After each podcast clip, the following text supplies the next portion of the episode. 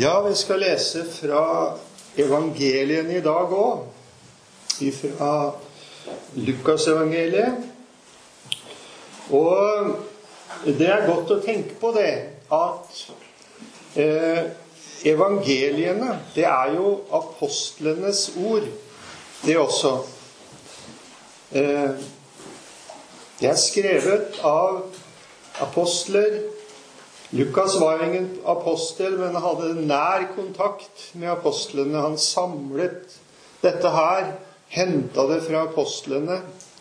Eh, vi kan også lese at Lukas han fulgte jo Paulus veldig mye. Og eh, et sted i Paulus' brever der står det at Lukas og, og, og Paulus og Markus de var sammen. Det var litt av en bibelgruppe. Og sammen så eh, fikk de samle dette her, og så skrevet det ned. Og så kan vi få lese det. Og så veit vi det at apostlenes ord, det er Guds ord. Det er Jesu ord. Så når jeg leser dette, og når vi leser det og hører det, så, så veit vi det er Han det er hans ord. Og vi skal få lese det som det. Nå skal vi be. Kjære Jesus, takk at vi skal få lov til å lese noe av dette som du har gitt oss. Sørget for at vi skal få ha, lese og høre. Og så ber vi at du gir oss ved din nåde og ved din kraft at vi hører det du taler, og at vi får se det som du åpenbarer i ditt ord. Amen. Også i dag så er det et møte mellom Jesus og mennesker. Og vi skal da lese fra Lukas 10 og fra vers 25. Og dette her er jo et avsnitt som går fra vers 25 til 37. Eh, men vi skal dele det opp i to deler, sånn at eh, jeg har en første del i dag og eh, resten i morgen. Og i dag så skal vi lese til og med vers 29. Og se, en lovkyndig sto fram og fristet ham og sa:" Mester, hva skal jeg gjøre for å arve evig liv? Han sa til ham, Hva står skrevet? Hva, hvordan leser du? Han svarte og sa, Du skal elske Herren din Gud av hele ditt hjerte og av hele din sjel og av all din kraft og av all din forstand, og din neste som deg selv. Da sa han til ham, du svarte rett. Gjør dette, så skal du leve. Men han ville rettferdiggjøre seg selv og sa til Jesus, og hvem er min neste? Det vi er vitne til her, det skjedde etter at de 70 som Jesus sendte ut, kom tilbake etter at de hadde forkynt evangeliet. Og de var jo så glade og, og begeistra over det som de hadde fått lov til å være med på. Og eh, i den sammenhengen så står det først her i vers 17 De 70 kom glade tilbake og sa, Herre, til og med de onde ånder adlyder oss i ditt navn. Og så sier da Jesus, som vi leser i vers 20 Men gled dere ikke over dette at åndene er dere lydige. Gled dere heller over at navnene deres er innskrevet i himmelen. Når Jesus sier dette her, så er også denne lovkyndige tydeligvis til stede. Det står i vers 23 her som nok er feil. Der står det da han var alene med disiplene, vendte han seg til dem og sa eh, Egentlig så står det at Jesus Det står ikke at han var alene med dem, men det står at han vendte seg til dem og sa. Altså, det var flere til stede når Jesus sier dette her. Også den lovkyndige hørte dette. Og så spør han da Hva skal jeg gjøre for å arve evig liv? Nettopp altså dette for å få mitt navn skrevet i himmelen.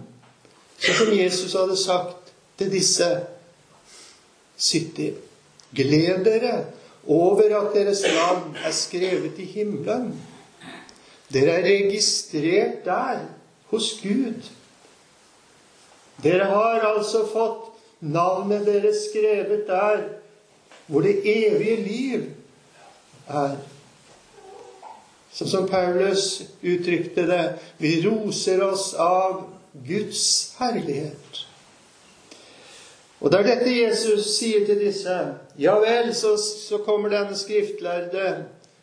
Det er tydelig at det, her har han altså funnet noe som han vil ta tak i. Hva skal jeg gjøre for å arve evig liv? Han spurte ikke for å få klarhet for det for sin egen del, men han kom for å friste Jesus, står det. Han hadde altså onde hensikter, og han håpet å få Jesus til å avsløre seg som en vranglærer. Det vil altså si at Jesus lærte noe annet, en annen vei til det evige liv enn det som sto i loven. Så ser vi igjen dette her med Jesus, som er så godt å legge merke til. Jesus ser på ham ikke som en fiende. Det var sånn han så på Jesus. En han skulle ta. En han skulle ta knekken på. Men sånn gjorde ikke Jesus med ham. Jesus ser ikke på ham som en fiende, men som sin bror. En som han ville redde for det evige liv. Og så er det nettopp derfor Jesus møter ham og svarer på den måten han gjør. Og han svarer på, med å stille to spørsmål. Hva står skrevet i loven? Det er det ene. Og det andre hvordan leser du? Det er altså Jesus henviser til Guds lov. Det er der vi må lete. Det er der vi får den rette kunnskap. Men så sier han også Men hvordan leser du? Altså Hva betyr det du leser for deg? Jesus sier ikke eh, 'Hva leser du?' Men han sier 'Hvordan leser du?' Altså hva betyr dette? Hvordan forholder du deg til dette som du leser? Den lovlærde, han kunne sitt fag. I våre, I våre dager så hadde han sikkert vært både teolog og professor i teologi. Han visste hva som sto skrevet. Og vi kan vel også si, ut fra våre, eh, vår måte å si og tenke, at han var bibeltro og konservativ. Det å være konservativ, det er jo det motsatte av å være liberal. Konservativ, det betyr å gå til roten. Det er å søke til det opprinnelige. Til eh, Guds ord. Han hadde den rette kunnskap.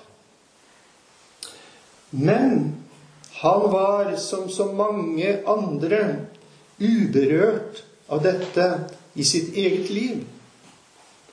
Han leste loven slik at han holdt seg selv utenfor. Det, angår, det angikk ikke han og hans liv. Hvordan han levde, altså. Hvordan har vi, med, hvordan har vi det med dette? Det er så aktuelt. Hvordan leser du?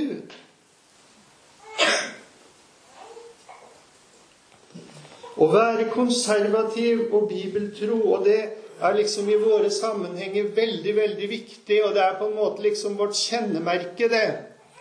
At vi er det. Og det kan være en god ting. Men det er livet vårt, og hvordan vårt forhold er til Han som taler. Alt handler om. Jeg leste en setning i en bok som var så treffende. Det var en som sa det sånn Ordet forsvinner i alle ordene om ordet. Og da forstår vi ordet, det vil altså si Jesus, forsvinner i alle ordene om ordet. Og sånn kan det veldig lett bli for oss som leser det blir liksom Alt handler om eh, Bibelen, ordene, teorien. Det å liksom forstå og ha tingene riktig på plass. Og så forsvinner dette for oss at det er jo Jesus. Det er jo vårt forhold til Han, til Gud, Herren, alt handler om. Jeg blir skremt mange ganger i møte med kristne som har så mye å fortelle og si om seg selv og deres forhold til Guds ord, til Bibelen, til bibeltroskap, til å kjempe mot liberal teologi og alt dette her. Men de har ikke ett ord å si om Jesus og sitt forhold til ham, og i møte med Hans ord. Da er det noe alvorlig galt. Hva står skrevet i loven? Alt samles i dette du skal elske. Først og fremst elske Herren din Gud. Og i dette ordet 'Herren din Gud' så er både Faderen og Sønnen forenet. Det er et uttrykk for begge. Sånn er det også i Det gamle testamentet. Og det å elske, det er jo nettopp dette å være fylt av kjærlighet til dem. Av hele ditt hjerte, hele din sjel, av all din kraft og av all din forstand. Altså en altomfattende kjærlighet som fyller hele vårt indre, alt vi er. Og det er et fint uttrykk for dette i Salmenes bok. Alt som i meg er, love ditt hellige navn. Altså alt er kjærlighet til Ham. Hele vårt indre følelser, tanker, vilje, all vår gjerning, alt vi lever. Ja, det går jo helt ut i fingerspissene. Hele ditt hjerte, hele din sjel, all din kraft og all din forstand. Han kunne dette. Han visste hva som stod skrevet. Han besto eksamen, denne lovkyndige. Og så er det at Jesus bare sier én ting til denne. Du svarte rett.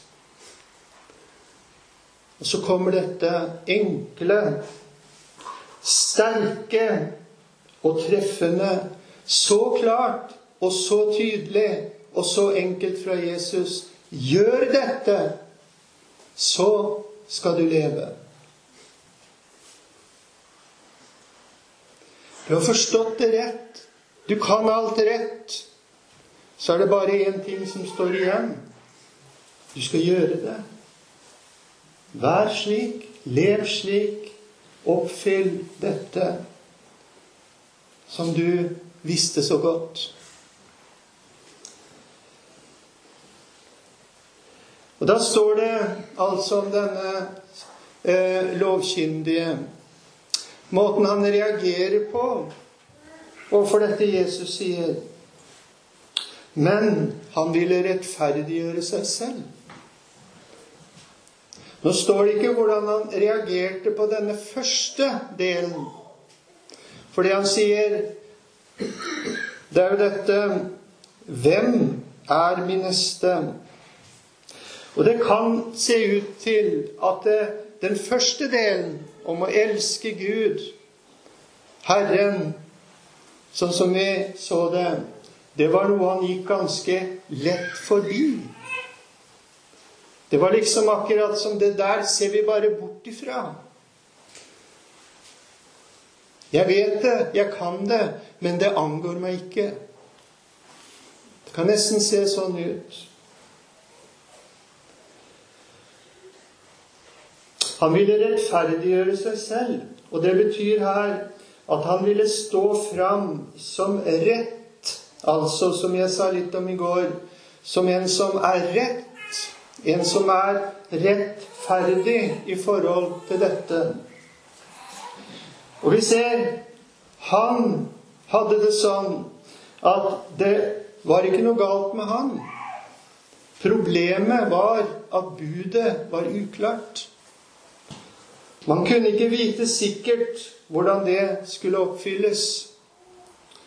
Og dette er jo så velkjent, ikke sant? Hvordan skal vi komme unna Guds ords sannhet?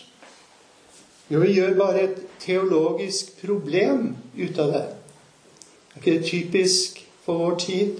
Men ikke bare, vi skal ikke bare tenke 'ja, sånn er alle andre'. Spørsmålet er igjen dette som Jesus sier. Hvordan leser du? Hvordan leser du? For dette ordet nå inn til deg og bli aktuelt virkelig på den måten at det gjelder mitt liv. Så i Markusevangeliet i kapittel 12.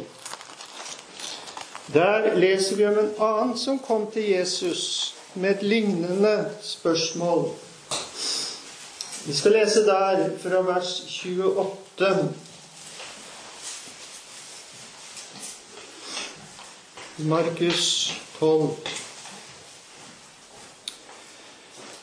En av de skriftlærde som hadde hørt på ordskiftet og forsto at Jesus hadde svart dem godt, kom da bort til ham og spurte, Hva er det første av alle bud? Jesus svarte, Dette er det første av alle bud. Hør, Israel. Herren vår Gud, Herren er én. Og du skal elske Herren din Gud av hele ditt hjerte og av hele din sjel og av all din fornuft og av all din kraft, makt.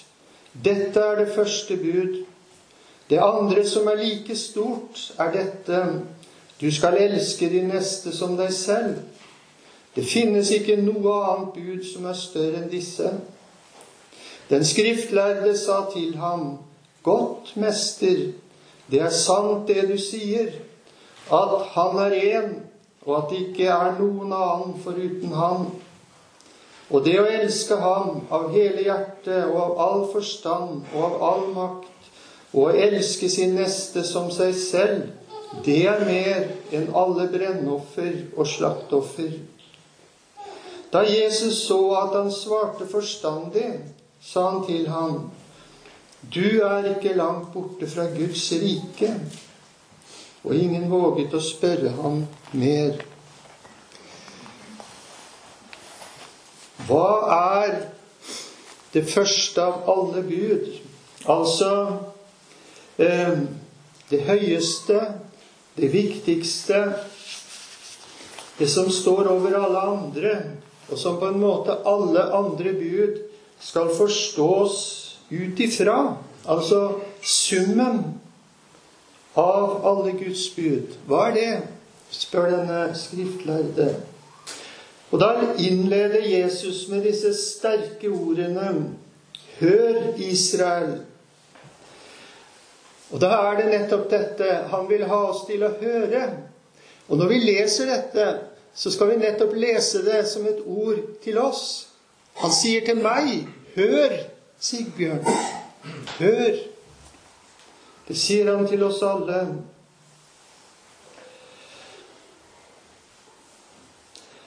Det er noe han vil ha oss til å lytte til og gi akt på.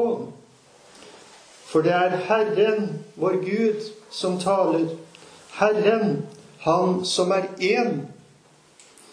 Og det at Han er én, det betyr flere ting.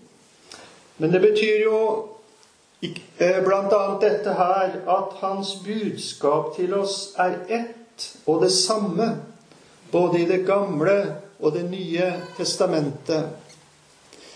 Det er ikke sånn at eh, Gud talte på en måte i Det gamle testamentet. Det var liksom den tiden. Men i Det nye testamentet, der kommer det noe nytt. Noe annet. Det er liksom en, et skifte hos Gud. Nei, Gud er én. Og det var en som sa det så fint Gud er seg selv lik både i Det gamle og Det nye testamentet. Ta med deg den.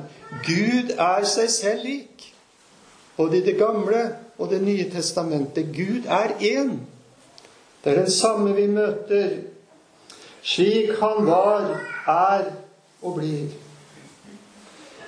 Og så kommer da det samme som til denne som vi leste om eh, i Lukasevangeliet. Det første bud, det er dette Du skal elske Herren din Gud av hele ditt hjerte, og så videre. Og så er det altså sånn at det er dette som vi trenger å høre. Hør dette. Hør det. Vi skal slå opp i første krønikebok. Det er så godt å legge merke til hvordan de som har gått foran oss, forholdt seg til eh,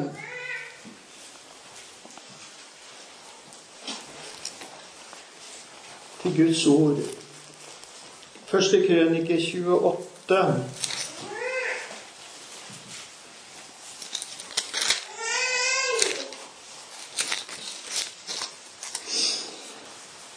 Det er David som eh, taler dette her. Skal vi se Nå kom jeg litt feil her.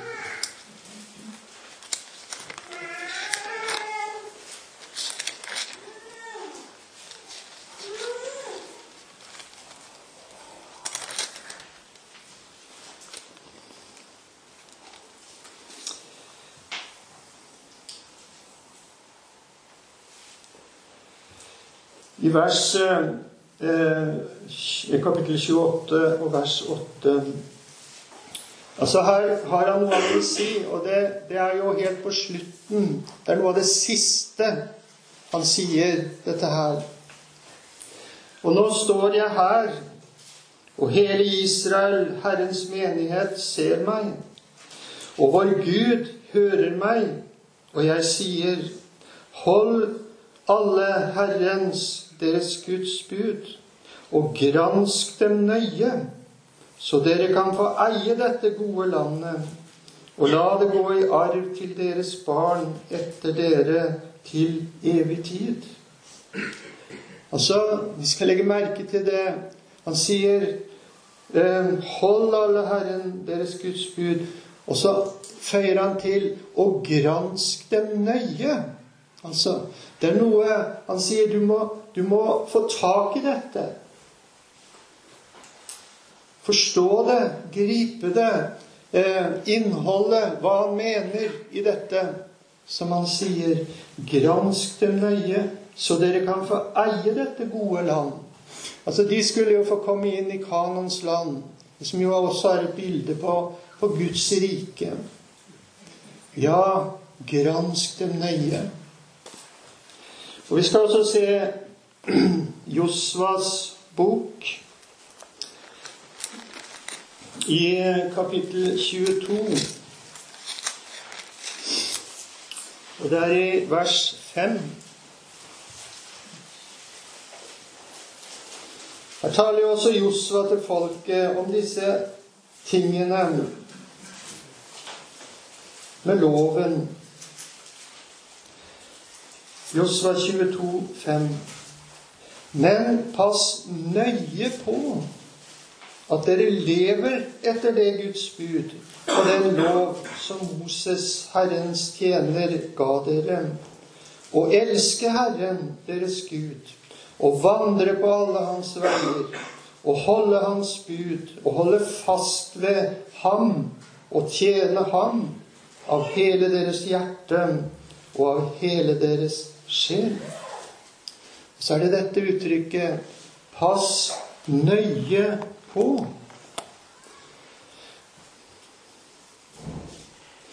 Og her sto denne skriftlærde hos Jesus, og så bekjenner han nettopp dette. Det er sant, det du sier. Og så er det hans dype overbevisning at det er dette som er det første og største bud til oss. Det er dette som er det gode og det rette, og som vi er skyldige, som det er rett at vi gjør, at vi lever dette.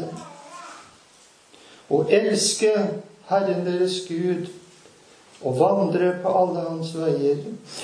Her står det altså en lovkyndig nummer to. Han er oppriktig. Han er sannhetssøkende. Han, han leser på den måten at dette er sant for meg. Det gjelder mitt liv.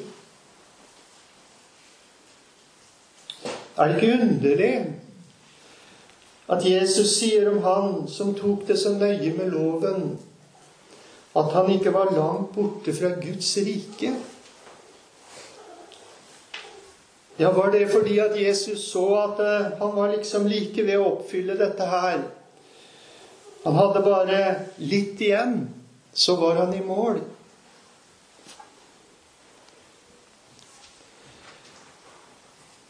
Ja, er ikke det sånn vi må tenke? At det er det som er det riktige? Vi må jo få det til. Vi må jo oppfylle det.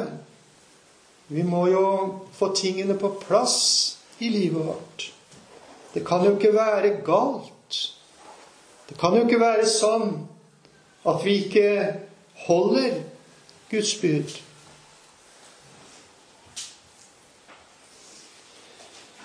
Du er ikke langt borte fra Guds rike, sier Jesus. Ja, hvem er det som er nær? Og hvem er det som er langt borte fra Guds rike? Hva sier Jesus om det? Vi skal se Lukas evangeliet igjen, i kapittel 6.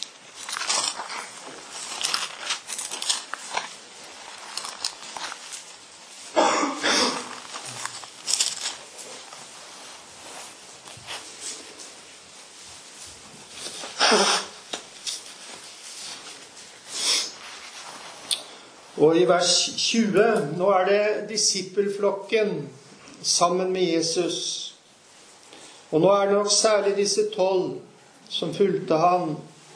Eh, for det står Og han løftet sine øyne, så på sine disipler og sa Kan du tenke deg inn i denne situasjonen? Her er det masse mennesker samla om Jesus. Men så sitter det noen der i den innerste ringen, tett inntil, rundt Jesus, samlet der foran ham. Og så løfter Jesus sine øyne og ser på dem, disse disiplene. Og så sier han, salige er dere fattige, for Guds rike er deres. Her var det altså noen som ikke, var, ikke bare var nær Guds rike, men de var altså kommet inn i det. Men så sier altså Jesus om dem Salige er dere fattige. Eller som det står i Matteusevangeliet Salige er dere fattige i ånden. Hva betyr det? Jo, det betyr her å være klar over Altså å ha en dyp og sterk overbevisning om at jeg mangler alt som gjør meg kvalifisert til Guds rike. Som Paulus skriver i Rombrevet Han bruker et uttrykk der i Rombrevet 3 og vers 23. Det begynner egentlig i slutten av 22. For det er ingen forskjell.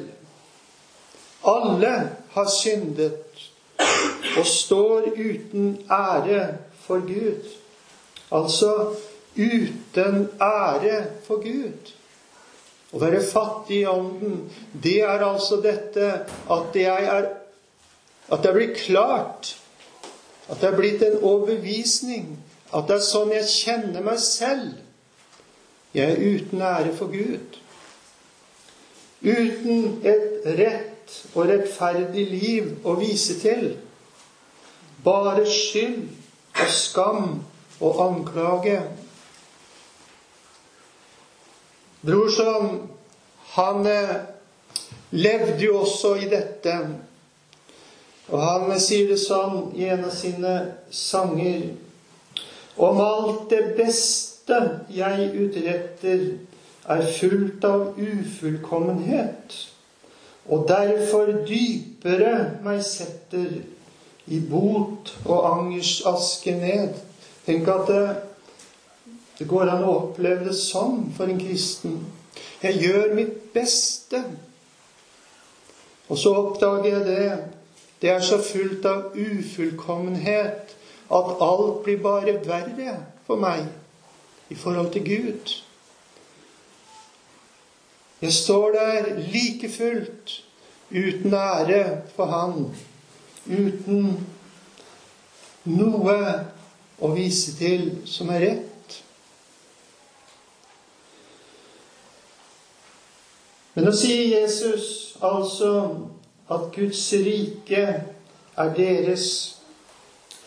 Og det er ikke på grunn av deres fattigdom, men det er fordi de tror på Jesus, tror på Han. Og Paulus han fortsetter jo i vers 24 her i Rombrevet 3. Dette forunderlige, ufattelige. Og de, altså hvem da? Jo, disse som er uten ære for Gud, skyldige og fordømte, men som tror på Jesus. De blir rettferdiggjort uforskyldt av Hans nåde ved forløsningen i Kristus Jesus uforskyldt. Altså uten å ha gjort noe som helst i positiv retning. Vi tenker det er vel noe som må være rett med meg òg. Alt kan vel ikke være galt. Det går jo ikke an at alt kan være rett hos Gud hvis ingenting er rett hos meg. Men det sto her de blir rettferdiggjort uforskyldt.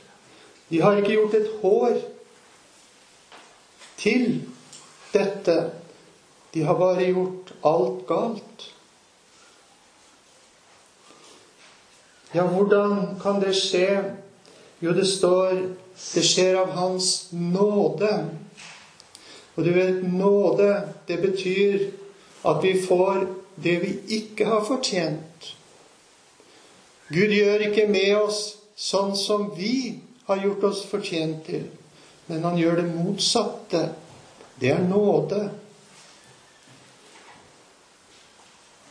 Ved forløsningen i Kristus Jesus. Det er der hele årsaken, hele løsningen ligger i dette som kalles for forløsningen i Kristus Jesus. Hva skjer i forløsningen i Kristus Jesus? Da skjer dette at alt vårt, alt som er meg, mitt liv, alt vi har vært, og alt vi har levd Ja, vi kan enda gå dypere enn det. Faktisk det at du har levd, og at du har vært til, det er ditt største og verste problem. At du har eksistert, at du har levd, at du har vært. Det er vår største nød på grunn av det vi har levd, og det vi har gjort. Alt dette blir utsletta ved Jesu blod. Og da skjer det at det eksisterer ikke mer for Gud. Det er utsletta. Hvilken lettelse! Det er jo det som er det forferdelige. Det er det jeg har levd. Det er det jeg har vært at jeg har eksistert. Så kommer Jesus, og så utsletter han alt sammen. Så fins det ikke mer. Jeg kan stå uten et liv som er mitt. Og i stedet så er jeg rettferdiggjort tilregna et liv som er rett for Gud. Fordi at han, Jesus, har levd. At han har vært. Det er det som er det fantastiske. Det kom en som vår stedfortreder han kom for å leve vårt liv og være for oss og i vårt sted. Han trengte ikke det for seg selv, men han visste det var vår eneste mulighet. Som vi hørte fra Efeserbrevet Gud utvalgte oss i Han før verdens grunnvoll ble lagt. Gud måtte ha en annen enn oss hvis det skulle være håp, og hvis Gud skulle få en, en ett og en slekt og en skare som som er hans, så måtte han ha en annen enn oss. Og det hadde han. Han hadde Jesus. Han hadde sin sønn. Jesus levde et rettferdig liv. Helt og fullt. Fullkomment etter Gud for oss. Han led og døde for våre synder. Og så sier engelen som eh, profeten Jesaja fikk, eh, eller kjeruben, som kommer bort til profeten Jesaja, som vi leser om i kapittel 6 og vers 7. Din misgjerning er tatt bort, og din synd er sonet. Altså Din misgjerning er tatt bort. Den er fjerna. Den er utsletta. Det fins så mange sånne ord i Bibelen. Jeg utsletter dine misgjerninger som en tåke, og dine synder som en sky. Hvordan klarer Gud det? Jo, han gjorde det i Jesus, sin sønn. Og han sier Salig er den hvis overtredelse eller misgjerning er forlatt, og hvis synd er skjult. Og når Gud skjuler våre synder, så gjør han det sånn at de finnes ikke mer.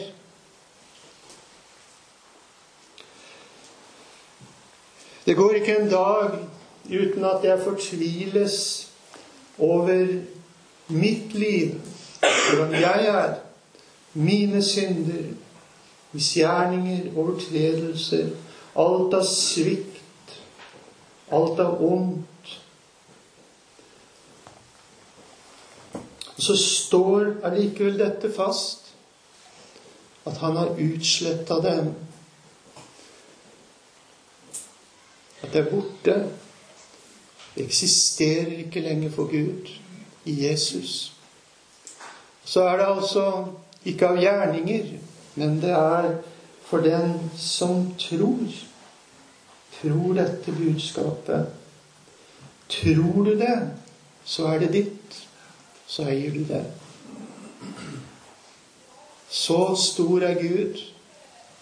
Så stor er Jesus.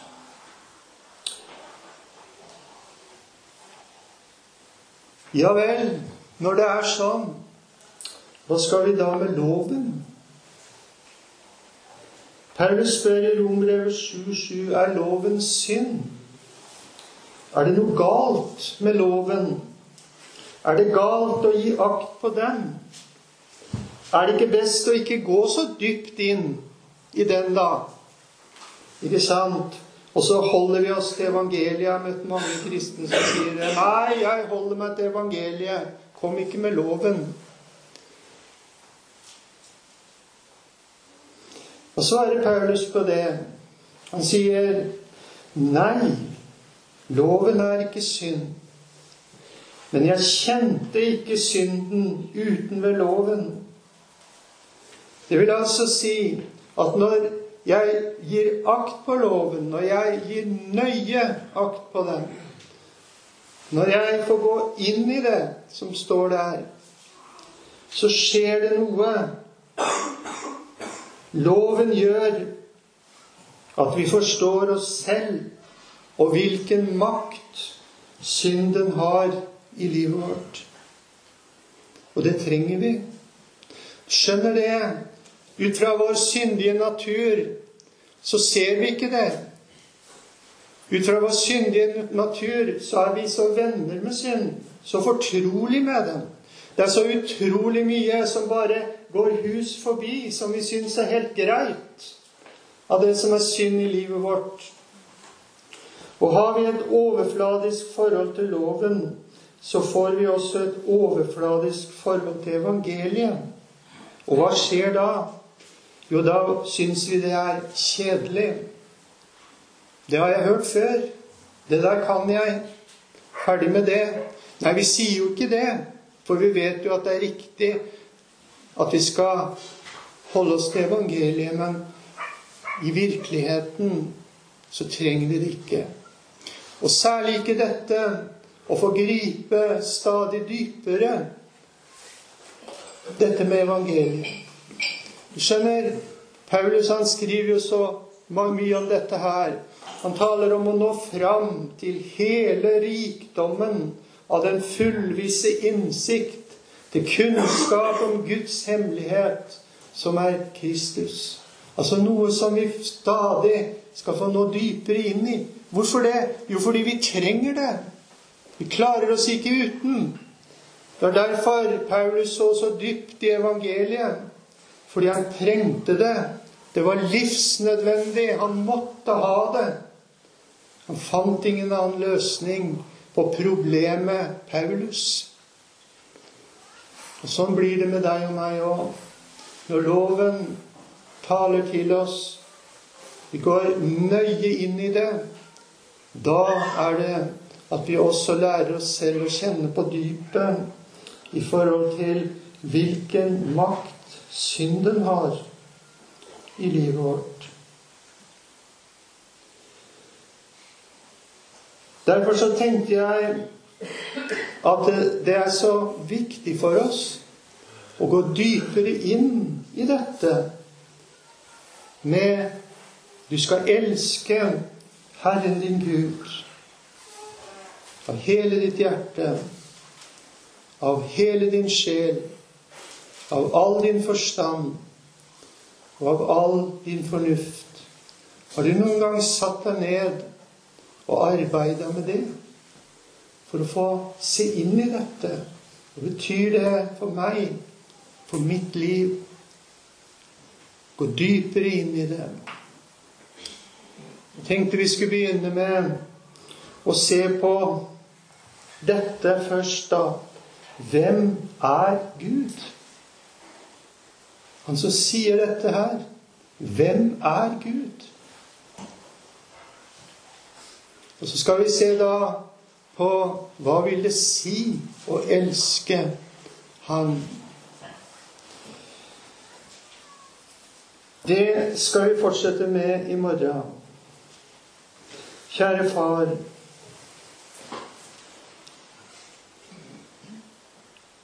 Du er vår eneste redning. Og vi ber at du stanser oss opp for ditt ord, sånn at det ikke bare farer oss forbi, men at vi gir akt på det.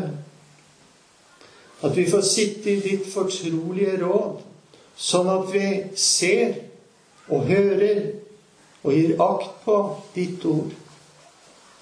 Og så takker vi deg for det at eh, i sannheten og i lyset så finnes det frelse og redning.